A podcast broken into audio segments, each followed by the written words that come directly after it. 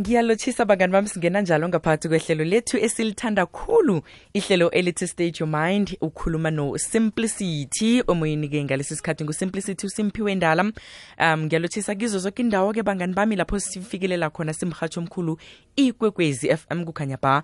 Nokho-ke siyithola i-text ebuya kugusheshe uthi hheyi nazwakalela phasi kangaka um wena simpho wazwakalela phasi kangaka? Ngingazi-ke nokho ukuthi umraro bekuyini um mhlambe-ke bekumraro nge-microphone ekade ngiyisebenzisa kodwa nje ngithemba ukuthi ngizwakala kuhle-ke bangani bami. Um namhlanje-ke njengoba ngithule-ke bangani bami ukuthi sikhamba nomem utracy ngokwamahlangu nguye-ke ozabe asethulela isihloko sethu sanamhlanje nofana isifundo sethu selanga.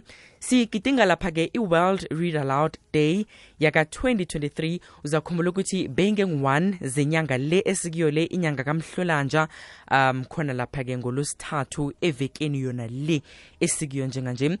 Ngizokuba ukuthi njenganje-ke sitshidele yena-ke umem tracy ngokwamahlangu asitsheleke ukuthi yena usiphatheleni elangeni lanamhlanje. Lotshani ibizo lami nginguTracy Mahlangu ungutitshe esomakata Primary School etholakala esifundeni seLimpopo. Siyanamukela esiqetshaneni sethu sanamhlanje osilethelwa yi-European Union i-UNICEF umnyango wefundo sisekelo i-National Education Collaboration Trust ngokubambisana ngomhatsho omkhulu ikwekwezi FM esiqetshaneni sanamhlanje sizobe sigidinga ilanga lephasi lonke lokufundela phezulu. Bewazi bona ngomhla ka-1 kumhlolanja bekulilanga lephasi mazombe lokufundela phezulu. Ingabe niligidingile ngenkolweni zenu ilangeli? Nangabe anikaligidingi sinikhuthaza bona niligidinge ngokufundela phezulu indatshana eninazo esikolweni. Namkha ababelethi benu banganitholela indatshana eningazifundela phezulu nanisekhaya. Ungangibuza bona kuqakatheke ngani ukufundela phezulu? Ukufundela phezulu kuthuthukisa ikhono lokulalela kwakha ilwazi magama kanye nokutlola kwehlisa isikhathi phakathi kwakamabonakude. Kwakha ukuqakatheka kokufunda. Kusiza bona kuvuleke indlela yokukhulumisana ngezinto ezicakathekileko kusiza ukwakha ikhono lokukhumbula. Ukufundela phezulu kwehlisa ukucabanga kakhulu ngezinto ezikuthwenyako. Bekukwenza bona ujabule. Kokugcina ukufundela phezulu ngezinye indlela ongakhombisa ongakhambisa ngazo isikhathi. Ungazibandakanyi endweni ezingakalungi. Ngiziphi indawo lapho ungafundela khona phezulu? Ungafundela phezulu nawusekhaya.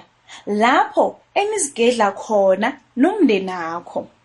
Ungafunda ngaphandle kungaba ngaphasi komuthi namkha ungahlala etshanini ngekoloyini. Nanikhamba amabanga amade ningadlala incwadi ezigadangisiweko ezibizwa bona ma-audio book. Umbelethi yena angangibuza bona umkholisa njani umntwana omfundi? Ungathoma asesemncane umntwana ngokumfundela phezulu ngaphambi kokubana alale. Funda ngaso sonke isikhathi hlala unencwadi zokufunda. Vakatshela ibulungelo ncwadi ilibrary namkha lapho kuthengiswa khona incwadi ibookshop ngaso sonke isikhathi. Khuthaza abantwana bona bazikhethele incwadi ezifunwa ngibo. Begodu nawe mbelethi funda njalo nawusekhaya. Ukukhuthaza bona abantwana bafunde nabo. Namhlanje ngizokufundela phezulu indatshana esithola kunalibali ukuze uzwe bona nawufundela phezulu kufanele ufunde njani Njeke ngaphambi kobana ufundele phezulu kunezinto ofanele uzenze. Yazi kuhle indaba ukwenzela bona ukhone ukuyibuyelela namkha uyifundele phezulu ngendlela yakho. Cabanga ngokuthi ungayenza njani indaba le bona iphile. Khetha ukuthi buzokuba njani ubujamo bakho bobuso nokuthi uzowusikinya njani umzimba. Khetha isikhathi sokucoca indatjana lapho woke umndeni wakho ukhona. Angisho practice ukucoca namkha ukufundela indaba phezulu. Tjhugulula iphimbo likhambisane nabalingisi abahlukahlukeneko. Hlela bona umlingiswa omunye nomunye endabeni afundwe lilunga lomndeni elithileko namkha umngani. Ungenza amaphutha nawufundela phezulu kodwana nawufundela phezulu ngaso soke isikhathi uzokghona bona ujwayele. Indatjana yanamhlanje itlolwe nguTumishang Shongwe. Imidwebo yafakwa nguRico. Indatjana le ifumaneka ngamalimi asemthethweni alitjhumi nanye weSewula Afrika. Indatjana isihloko sayo sithi ngamalanga yindatjana. Ngamalanga yindatjana. Indatjana nguTumishang Shongwe. Iinthombe nguRico. uNeo uMbali noGogo bavakatjhela ekhabo laka-Afrika ngamaholideyi. uBhela naye ukhona. NgoMvulo baqede ilanga loke baseplasini likamalume ka-Afrika. Babuthelela amaqanda, bakha isiphila, bakhamba nangetregere. Abasebenzi abasebenza budisi kangaka fanele bathatjiswe, kutjho umalume lokha nakabasela abantwana isiphila sokudla. uBhela akasakghoni ukuzibamba. Ufuna ukuyokucocela abangani bakhe esikolweni ngelangelo. Ngelesibili, uNeo, u-Afrika noBhela basiza ugogo ukubhaga ama-scones amnandi. Ugogo unikela uMbali ihlamana bonyana adlale ngayo. Lokha ama-scones nasele apholile, umaka-Afrika uhlephula ama-scones amahlanu, uwafaka ijemu ngalinye. Boke bathola ngalinye, ngaphandle kwakaMbali noDintle. Basesebancani kobana bangadla ama-scones nejemu, kutjho umaka-Afrika. Bangadla amabhanana. uNeo utlola phasi iintlabagelo zokwenza ama-scones. Ngelinye ilanga, lokha uMbali noDintle nasele babakhudlwana, ngizobabhagela ama-scones, uyamomotheka. Ngelesithathu, ngemva kwamadina, umndeni woke ubukele ihlelo kumabonakude. Lokha indatjana nayifika engcenyeni ekarisako, qitjho, qimi yani umabonakude. Maye! Igezi ikhambile, bazokwenza njani kwanjesi? Ngicabanga bona sikhathi sesithongwana sikaMbali noDintle, kutjho umaka-Afrika. Uthatha uMbali noDintle ubasa ngekamerweni yokulala. Uyabambesa ngengubo, ubaqoqela indatjana. Msinyazana-ke sele balele bobabili. Ugogo yena ufake isandla sakhe ngebhegenakhe, ukhupha incwadi ayithethe ebulungweni leencwadi. Ugogo uhlala aneencwadi ngebhegeni yakhe. Uphumela ngaphandle uyokuhlala esitulweni esitupini. Uyababona abo-Afrika, uNeo noBhela bahlezi ngaphasi komuthi omkhulu ngengadini. Nginesizungu, kutjho uNeo. Akunanto esingayenza, kutjho u-Afrika. uBhela akatjho litho. Uqala incwadi ayithole ekhoneni lokufundela ngekamerweni ekulalwa ngakilo. Iphathelene nani incwadi yakho phela kubuza unewo angikwazi ukufunda amagama kodwana iinthombe zikhombisa indoda eyinjinga kutsho ubhela nginombono kutsho u-afrika. Nginganifundela incwadi bese singalingisela indatshana sisoke. Mbono omuhle lowo kutsho unewo ubhela unikela u-afrika incwadi. Le iphathelene nomansa muso kutsho u-afrika. Ngemva kwalapho ufunda indatshana ephathelene nomansa musa ikosi yemali eyaphana ngegolide eningi u-afrika uvula amehlo wakhe khulu bese uphaya izandla zakhe mazombe lokha nakafunda indatshana le. Uhlekisa unewo nobhela. Iyaphela.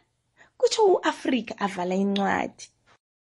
Mlaleli wekwekwezi fm bafundi nabafundisi ihlelo lezefundo ilena support ngabomvulo nangabolosine liyasuka ku-triple ATS ngemva kwamadina liya ehlelweni hlala nami ngesiqundu sesimbi yobunane entambama ngamalanga wakhona. Hashtag ikwekwezi fm umkhanyo ukhona.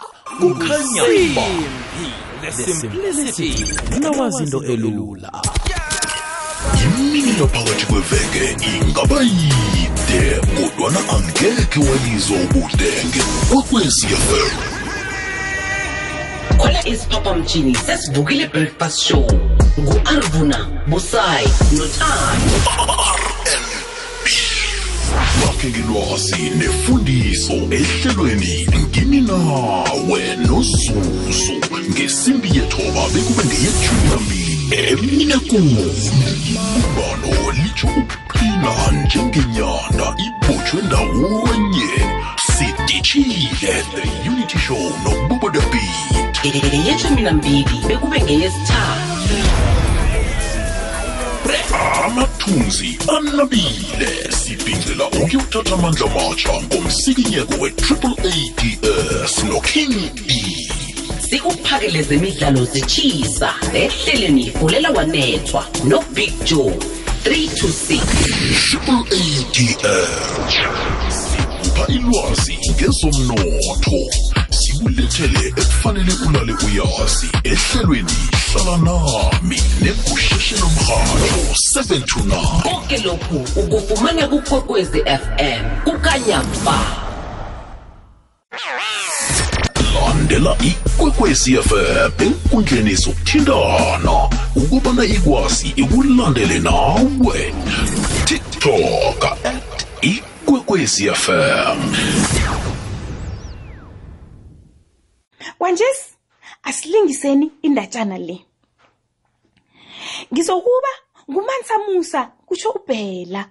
Abantwana laba bathola ikhadibhodi isinamathelisi nenkunube bese benzela ubhela into yokuthwala ehloko bonyana athwale abe yikosi umansa musa ubhela ulingisa indatshana yena nonewo no-afrika. Ubhela udobha amatshe uwanikela unewo no-afrika. Nasi igolide yenu bangani? Khambani niyozithengela iinkomo. Uma ka-afrika uza abantwana bayahleka uhlawula ngefestere langekamrweni lokulala ubabona balingisa indatshana ubukela umdlalo ngethabo elikhulu. Lokhu bekuthabisa kufanele sikwenze godu kusasa ngendatshana ehlukileko kutsho unewo nami ningibale urhwelela umaka afrika ngethabo elikhulu. Nami urhwelela ugogo esitupini. Ukulengisa indatshana kungcono kunokubukela umabonakude.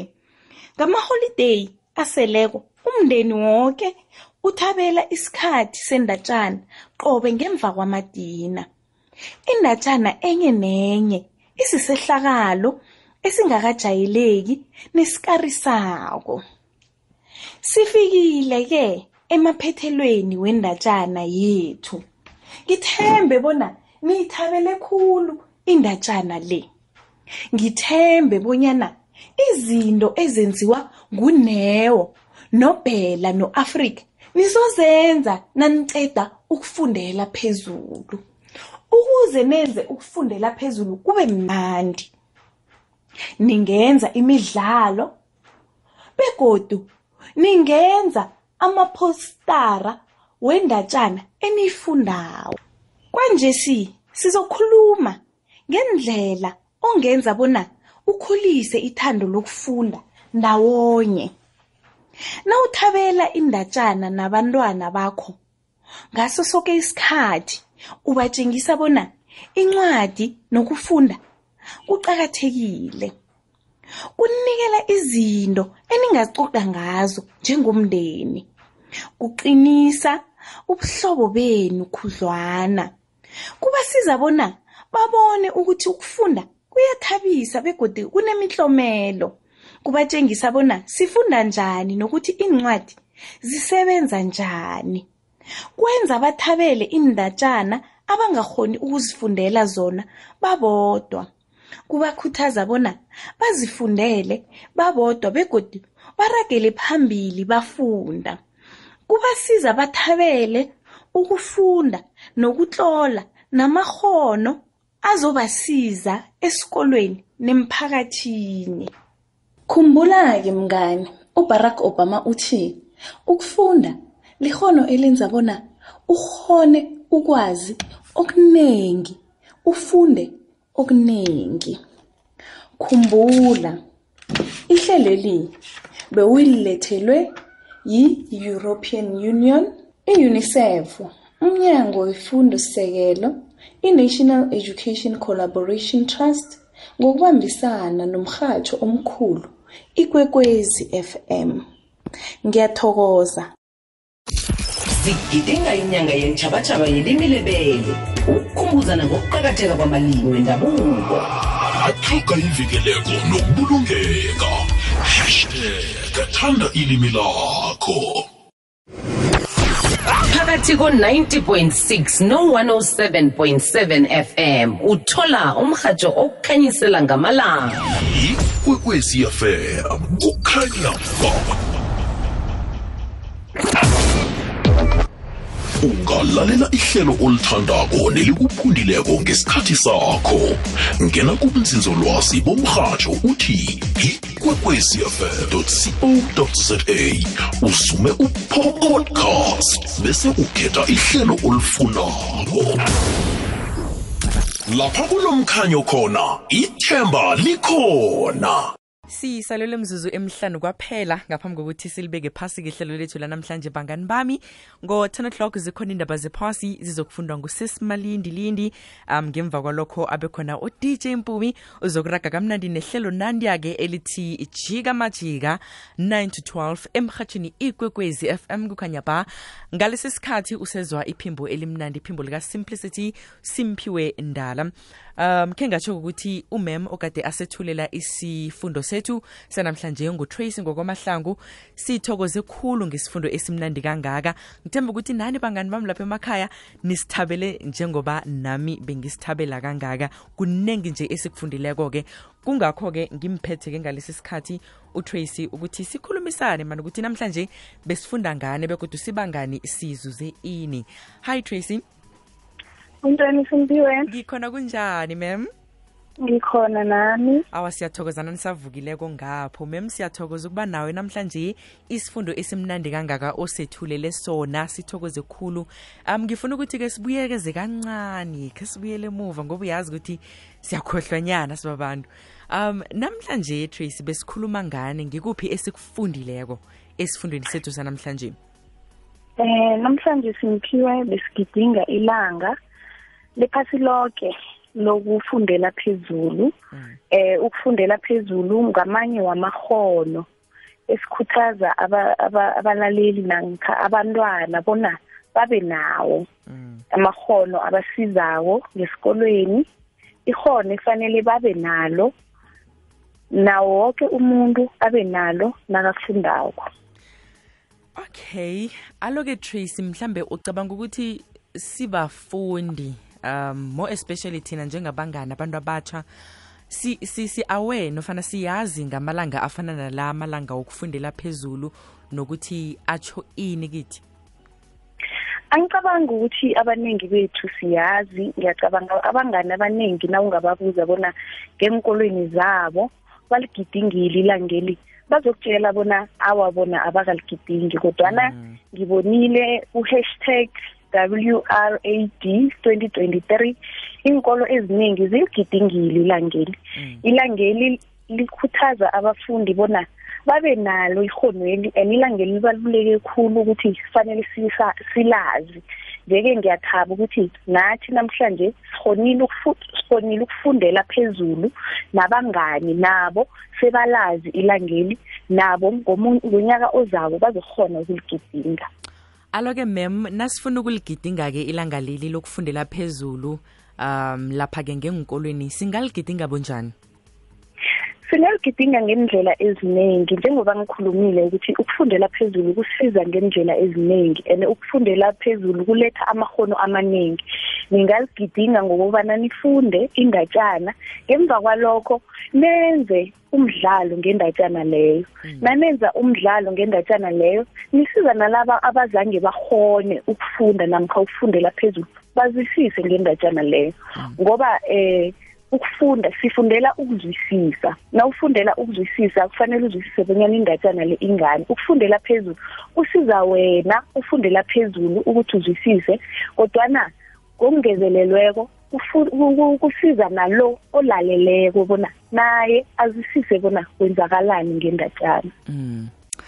Mm. mem sithokoze kukhulu mani ukuba nawe elangeni lanamhlanje um aloke ababelethi-ke nabafuna ukukhuthaza abentwana babo lapha emakhaya ukuthi bafunde ngikuzwe ukhulumisa nendaba ukuthi ababelethi nabo kufanele bafunde ukukhuthaza abantwana babo ukuthi bafunde nabo alucabanga ukuthi yinto e- e- evane yenzeke especially kithi njengabantu abanzima. Ayenzeki kithi njengabantu abanzima kodwana kuyinto efanele siyithome simphiwe siyenze into yethu ukuthi kufundelwa phezulu kunokuthi omunye nomunye aphathe umaliledinini wakhe. Umzali angathi awa wena sifundela mntwanami in- indatshana enifunde esikolweni namkha ngiphethe indatshana nasi ngibawa bona usifundele ufundele phezulu. Lokho kuyabasiza abantwana babe nethando lokufundela phezulu. Kungabi nzima nasele bafika ngesikolweni bathi fundela phezulu umntwana angazi. Umzali nakamsiza kuwenza ukuthi umntwana lo kube yinto ayijwayeleko ukufundela phezulu. Mem sithokoze khulu sithokoze isikhathi sakho. Ngithemba ukuthi uzokuba nomgqibelo omuhle nepelaveke yakho ibe yihle. Nangomvulo-ke nasele uya esikolweni koke kuhambe kuhle. Ngiyathokoza simphiwe abangani abafundele phezulu abafundele abangani babo abalalele. Imigadangiso yabantu abafundela phezulu ukuze kubasize lokho. Ngiyathokoza simphiwe siyithokoza khulu mem ngiyathokoza nakini lapho bangani bami emakhaya. Ikhona u-dj uphathele ihlelo nandya-ke elithi jika majika. Nge- njenganje-ke sithatha indambo sizisa ngale-ke ngendabeni. Ngimnawe iveke zako ngesikhathi esifanako.